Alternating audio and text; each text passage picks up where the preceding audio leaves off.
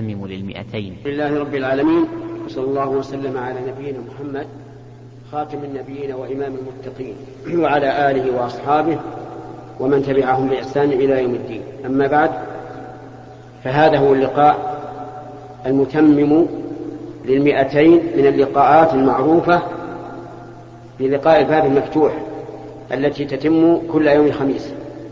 وهذا الخميس هو الثالث والعشرون من شهر ذي القعدة عام تسعة عشر وأربعمائة وألف وهو آخر لقاء يكون بعد قبل الحج. آه، نذكر فيه صفة الحج انتهى. وشروط الوجوب. آه، نذكر فيه محظورات الإحرام. وذلك أن الله تعالى بحكمته جعل للعبادات شروطا لا تصح إلا بها وجعل لها أوصافا لا تتم إلا بها وجعل لها موانع تحرم بها. فمثل الصلاة فيها محظورات الكلام الأكل الحركة الكثيرة وما أشبه ذلك. الصيام فيه محظورات الأكل والشرب والمفطرات. الحج فيه محظورات. من محظورات الحج حلق الرأس لقول الله تبارك وتعالى ولا تحلقوا رؤوسكم حتى يبلغ الهدي محله. حلق الرأس محرم على الحاج. من حين يحرم إلى أن يحل التحلل الأول في الحج. وأن يحل تحللا كاملا في العمرة. فمثلا في العمرة إذا ضاف وسعى بقي عليه التقصير أو الحلق. في الحج إذا رمى جمرة العقبة يوم العيد ونحر حلق أو قصر. فلا يجوز للمحرم أن يحلق رأسه. فإن فعل فإن كان لغير عذر صار آثما. ووجبت عليه الفدية وهي كما ذكر الله تبارك وتعالى ففدية من صيام أو صدقة أو نسك. الصيام فسره النبي صلى الله عليه وسلم بأنه ثلاثة أيام. والصدقة إطعام ستة مساكين لكل مسكين نصف صاع. والنسك ذبح شاة.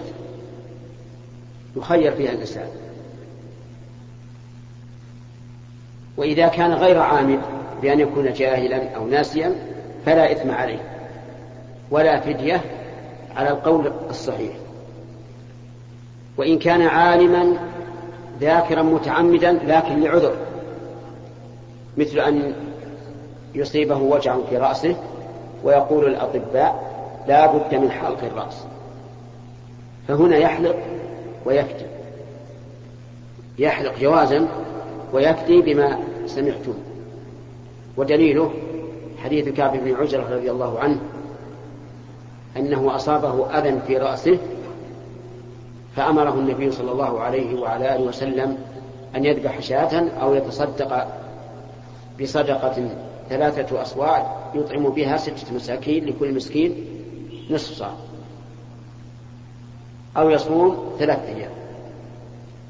هذا واحد من المحظورات. من المحظورات الجماع ومقدماته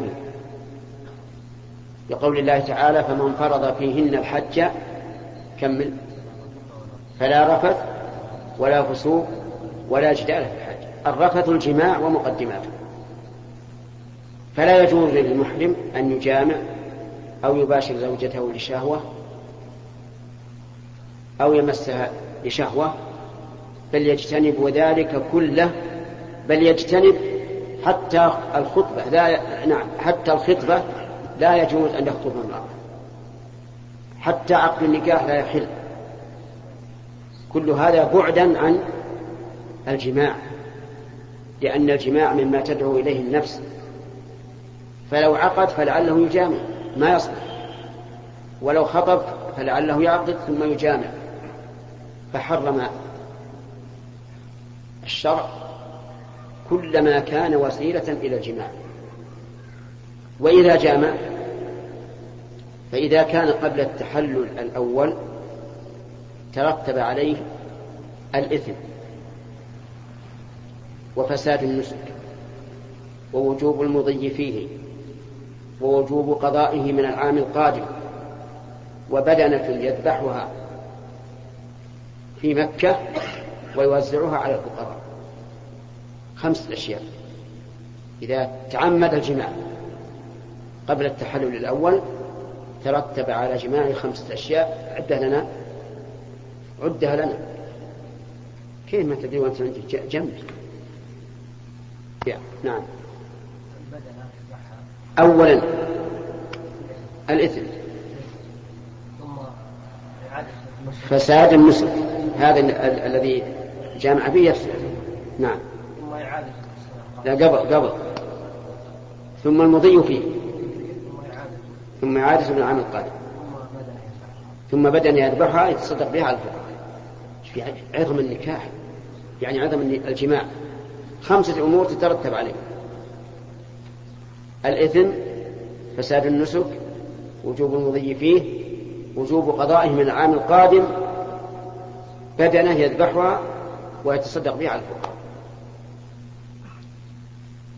المباشرة كذلك حرام. يعني لو كانت امرأته معه فقبلها أو باشرها فذلك حرام. فإن أنزل كان أشد.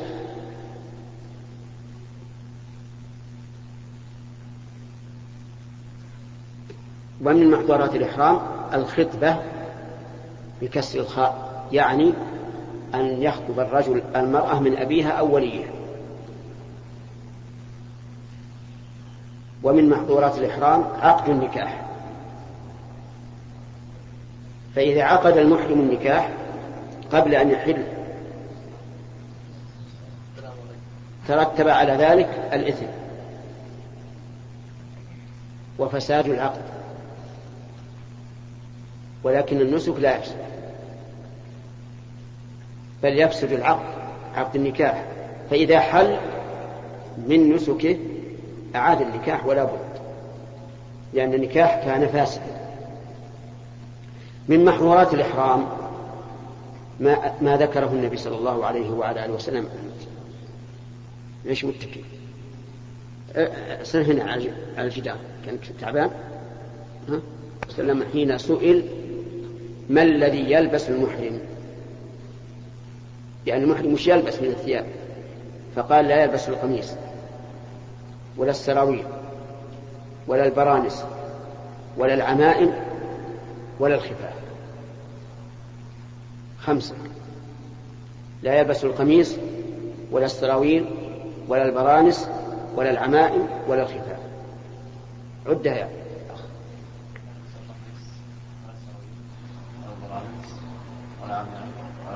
نعم خمسة. يعني وما عدا ذلك فيلبسه فالممنوع معدول والمباح غير معدول البس ما شئت. لكن لا تلبس هذه الأشياء. القميص أظنكم تعرفونه. ما هو؟ ثياب الذين هذه. ثيابنا هذه قميص البرانس ثياب واسعة لها غطاء للرأس متصل بها. يلبسها أهل المغرب كما تشاهدونه في الحرم. السراويل معروفة. العمائم معروفة أيضا. لباس يلف على الرأس. الخفاف معروف. هي ما يلبس على الرجل من جلد أو نحوه يسر الرجل. ثم قال النبي صلى الله عليه وعلى آله وسلم من لم يجد إزارا فليلبس السراويل. ولا فدية عليه. ومن لم يجد نعلين فليلبس الخفين. طيب هذه المحرمات من اللباس حرام على الرجل فقط. المرأة لا يحرم عليها قميص ولا سراويل ولا خمار ولا خفان. من محظورات الإحرام الطيب. فلا يتطيب الإنسان, الإنسان بعد إحرامه. لا بالبخور ولا بالدهون. دليل ذلك قول النبي صلى الله عليه وعلى آله وسلم لا تلبسوا شيئا من الثياب مسه الزعفران.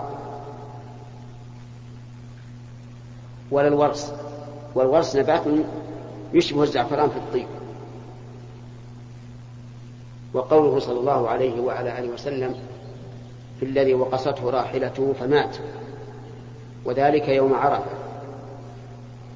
فجاءوا يستفتون النبي صلى الله عليه وعلى آله وسلم ماذا يفعلون به؟ فقال اغسلوه بماء وسدر وكفنوه في ثوبين ولا تخمروا رأسه ولا تحنطوه.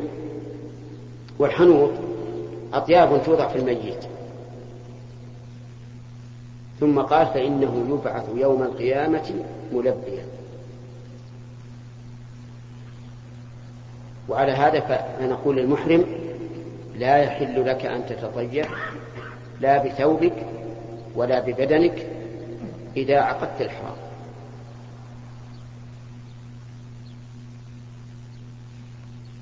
فأما البخور فإن أخذه وتطيب به فهو حرام. وإن شمه وهو لم بعيد عنه فلا بأس. كما أنه لو دخل دكان عطار وشم الطيب فإنه لا لا إثم عليه. لأن الممنوع هو التطيب والشم ليس بتطيب.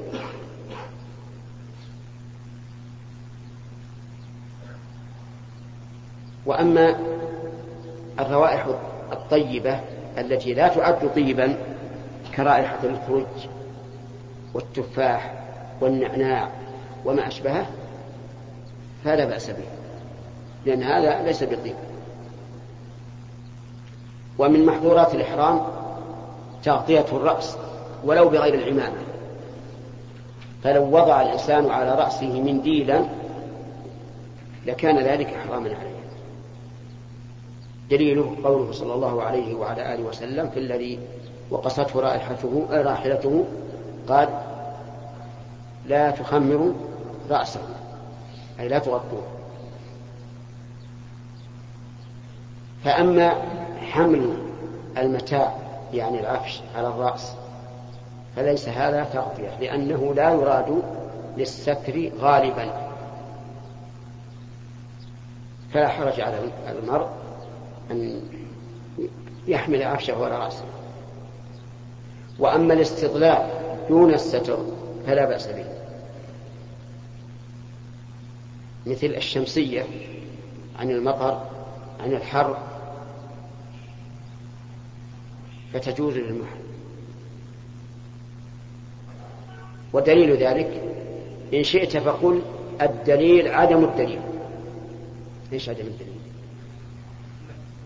يعني عدم الدليل على المنع على منع الاستغلال. وإن شئت فقل الدليل ما رأته أم الحصين رضي الله عنها أنها رأت النبي صلى الله عليه وسلم يوم النحر على راحلته ومعه أسامة وبلال. أحدهما يقوده والثاني قد رفع ثوبا عليه يظلله من الحر حتى رمى جمرة العقبة وهذا دليل واضح. وبناء عليه يجوز للإنسان المحرم أن يركب السيارة المسقوفة لأن, لأن هذا تضليل وليس تغطية. خلافا للمشهور من مذهب الحنابلة رحمهم الله مذهب الحنابلة يقولون إنه لا يجوز للمحرم أن يركب السيارة المسقوفة. يقول إنه لا يجوز. في ضيق يا أحمد. ما شاء الله.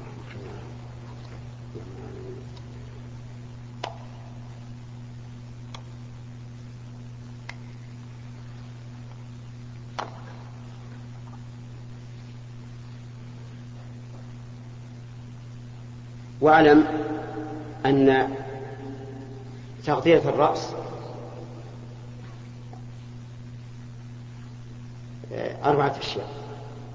أولا نعم. نعم. أقول هذا مثل الحنابلة لكنه ضعيف. تغطية الرأس فيما يقصد به الستر. هذا حرام. تغطية الرأس بما لا يقصد به الستر كحمل العفش هذا حلال. الاستظلال بتابع للمحرم كالشمسية والسيارة هذا فيه خلاف والصحيح أنه جائز. الرابع الاستظلال بما هو منفصل عن عن المحرم كالخيمة والشجر يجعل فوقها ثوبا يستره هذا حلال بالإجماع. من محظورات الإحرام الصيد. قتل الصيد. والصيد كل حيوان حلال متوحش طبعا يعني طبيعته التوحش والنفور من من الأدميين. هذا هو الصيد. فيحرم على المحرم لقول الله تعالى يا أيها الذين آمنوا لا تقتلوا الصيد وأنتم حرم. واعلم أن فاعل المحظورات ينقسم إلى ثلاثة أقسام. فاعل المحظورات ينقسم إلى ثلاثة أقسام. الأول أن يكون معذورا أي محتاجا إلى فعل المحظور. فهذا يفعله وعليه فديته. انتبه. أن يكون معذورا فيفعله متعمدا للحاجة والضرورة. فهذا جائز ولا حرام؟ جائز لكن عليه الفدية. مثاله؟ مثال حلق الرأس. كما سبق. إنسان قيل له إن إنه في علاجك يحتاج إلى حلق الرأس. فحلقه. ليس عليه إثم. لكن عليه الفدية. الثاني أن يفعله معذورا بجهل أو نسيان أو إكراه. فهذا لا شيء عليه. لا إثم ولا فدية. مثاله أن يقتل صيدا وهو لا يدري أنه أنه حرام. فلا شيء عليه. ولا فدية. لا شيء لا شيء عليه لا فدية ولا إثم. ومثال آخر أن يتطيب ظنا منه أن الطيب ليس حراما. فليس عليه شيء لا إثم ولا فدية. مثال ثالث رجل جامع حاج. معه زوجته.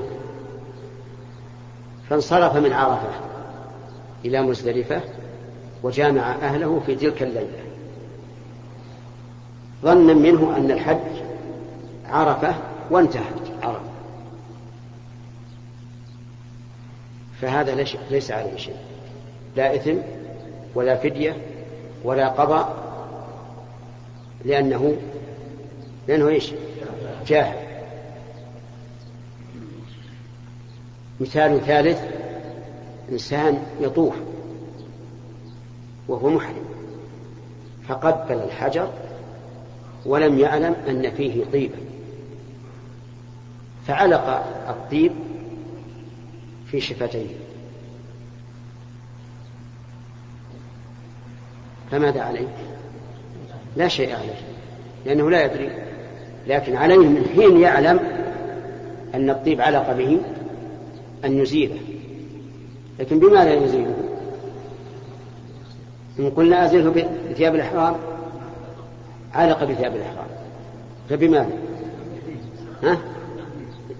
نعم بمنديل يزيله بمنديل ويحذف المنديل لا يصحبها. طيب فإن لم يكن معه منديل إذا أمكن أن يزيله بكسوة الكعبة يمسح هكذا بيده ويمسح كسرة الكعبة حتى يذهب. فإن عجز فلا إثم عليه. والإثم على هذا الذي وضع الطيب في الحجر الأسود. لأنه هو الذي ألجأ المسلمين إلى أن يمسوا هذا الطيب.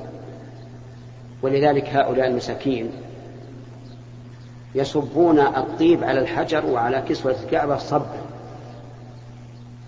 وربما يكون من أعلى أنواع الطيب. وهم بذلك بالنسبة للحجر الأسود إلى الإثم أقرب منهم إلى السلام. أما الأجر فليس لهم أجر إلا على النية فقط. لأنهم يلطخون المسلمين به. فيأثمون بذلك يعني يلجئ المسلمين إلى أن يأثموا وإن كان المسلم جاهلا ولا يدري فهو ليس عليه إثم. طيب الآن انتبه. فاعل المحظور إما أن يفعله متعمدا لكن لعذر يبيح له الفعل فهذا جائز ولكن عليه الفعل ومن ذلك أن يضطر الإنسان إلى الأكل ولا يجد إلا أرنبا وهو صائم فيقتلها أو يذبحها إن قدر عليها وهو محرم ويأكلها لكن عليه الجزاء. الثاني أن يفعل المحظور معذورا بجهل أو نسيان أو إكراه فهذا لا شيء عليه إطلاقا. والدليل قول الله تبارك وتعالى ربنا لا تؤاخذنا إن نسينا أو أخطأنا. فقال الله تعالى قد فعلت. وقال الله تعالى وليس عليكم جناح فيما أخطأتم به ولكن ما تعمد القلوب. وهذا لم يتعمد. الحالة الثالثة أن يفعل المحظور بلا عذر مع علمه وذكره واختياره. فهذا آثم وعليه فديته. نسأل الله أن يجعل حجنا وإياكم حجا مبرورا وذنبنا ذنبا مغفورا وسعينا سعيا مشكورا وأن يهب لنا منه رحمة إنه هو الوهاب.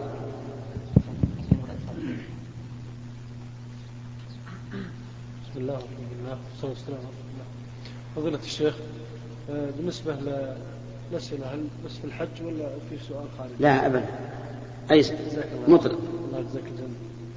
آه، أحسن الله إليك. بالنسبة لشراء الذهب بدفتر الشيكات وقد يكون ما فيه رصيد أو شراء بالبطاقة البنكية وهذه متفشية كثيرا بين المسلمين. آه، من المعلوم أن الذهب إذا اشتري بالدراهم فالدراهم عوض عن فضة وبيع الذهب بالفضة يشترط فيه التقابض في مجلس العقد والشيك ولو كان مصدقا. يعني أن رصيده معلوم ليس بقبض. والدليل أنه ليس بقبض أنه لو تلف هذا الشيك لرجع به على الذي أعطاه إياه. أليس كذلك؟ إذا فليس بقبض. نعم لو فرض أن المشتري وهو في دكان البائع سهم على البنك وقال له انقل من حسابي إلى حساب فلان يعني البائع كذا وكذا يعني الثمن هذا قبض لأنه حول المبلغ إلى حساب البائع في نفس المجلس. واضح؟ طيب. لكن كيف كيف يعمل؟ إذا إذا لم يكن معه دراهم؟ نقول الحمد لله الأمر سهل. يقول للبائع أبق الذهب عندك. لا تبيع وأنا أذهب إلى البيت أو إلى الدكان وآتي بالعوض ثم بعد حضوره بالعوض يتبايع معه بعقد جديد غير العقد الأول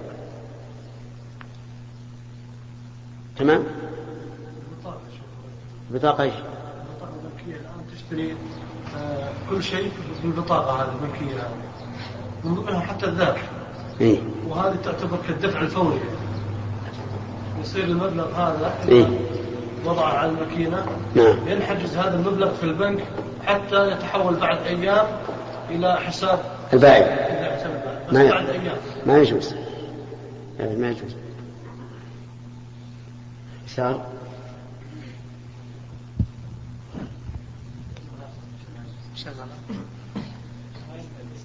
ها؟ السلام عليكم. نعم. بسم الله الرحمن الرحيم والصلاة والسلام على رسول الله. فضيلة الشيخ نحن نخرج في استراحة وبجوارنا مسجد ونسمع النداء فإذا أذن المؤذن نصلي في الاستراحة. هل, هل, المسجد بعيد عنكم؟ لا قريب. يعني لو فرض أنه أذن بدون مكبر الصوت تسمعونه؟ لا ي... ما يسمع. إذا ما عليكم شيء. صلوا في مكان جزاك الله خير. فضيلة الشيخ انتشر في الآونة الأخيرة تأخير الجنازة إلى إلى الغد أو إلى حضور أولياء الميت. وكذلك الاصطفاف بعد الدفن للتعزية. ما رأي فضيلتكم في ذلك؟ أما الأول فهو خلاف السنة لا شك فيها. لأن النبي صلى الله عليه وعلى آله وسلم قال أسرعوا بالجنازة. وتأخيرها خلاف أمر النبي صلى الله عليه وعلى آله وسلم. ثم هو من جهة أخرى إساءة إلى الميت. لأن الميت الصالح إذا خرج من بيته يقول قدموني قدموني. يتمنى الإسراع لأنه سوف لأنه مقبل على سكن في الجنة. اللهم اجعلنا منهم. فهو إساءة للميت من جهة وخلاف أمر النبي صلى الله عليه وعلى آله وسلم من جهة أخرى. وأولياؤه أو أصدقاؤه الذين ليسوا بحاضرين يمكنهم إذا جاءوا يصلون على قبره كما صلى النبي صلى الله عليه وسلم على قبر الرجل أو المرأة التي كانت تقم المسجد. وأما الاصطفاف للعزاء فهذا اتخذه الناس يقولون إنه أسهل. كان الناس في الأول كل إنسان في جهة أهل الميت فإذا عزوا واحدا جعلوا يلتمسون الآخر أين فلان أين فلان فقالوا نجتمع جميعا ليكون ذلك أسهل فإذا لم. إذا لم يتطور هذا الشيء إلى محذور فهذا لا أرى فيه بأسا إن شاء الله لكن الذي لا أرى له وجها هو أنهم يقبلون الذين هم أهل الميت. وهذا لا, لا أصل له. إلا إذا كان الإنسان قادما من سفر وقبله بناء على قدوم من السفر. نعم. فضيلة الشيخ إجابة الدعوة سنة أم واجبة؟ أي دعوة؟ دعوة يعني الوليمة؟ نعم. أما دعوة العرس فالإجابة إليها واجبة بشرط أن يعينه. يقول يا فلان أحضر. وشرط أن لا يكون في الإجابة ضرر علينا. الشرط الثالث أن لا يكون في المكان منكر. فإن كان فيه منكر فإن قدر على تغييره وجب عليه الحضور إجابة للدعوة ونهيا عن المنكر. وإن كان لا يقدر فلا يجيب. أما غير وليمة العرس فأكثر العلماء على أن الإجابة سنة وليست بواجبة وقال بعض العلماء إنها واجبة. لقول النبي صلى الله عليه وسلم حق المسلم على المسلم ست وقال إذا دعاك أو قال خمس وقال إذا دعاك فأجب. فلا ينبغي للإنسان أن يتخلف عن إجابة الدعوة إلا لعذر. بسم الله الرحمن الرحيم. الشيخ إذا دخل المأموم في مع إمام يصلي مثلا صلاة العصر أو العشاء الرباعية فزاد الإمام ركعة خامسة هل تحسب للداخل ركعة؟ يعني دخل معه في الثانية دخل معهم في الركعة الثانية وسلم نعم. الإمام نعم. بعد الخامسة هل نعم. يسلم معهم؟ كم صلى صلى أربع بحساب أن الإمام زاد خمس أي طيب لو أتى بخامسة أفلا يكون قد زاد في الصلاة زيادة عمد يمكنك الآن أن تقلب الشريط.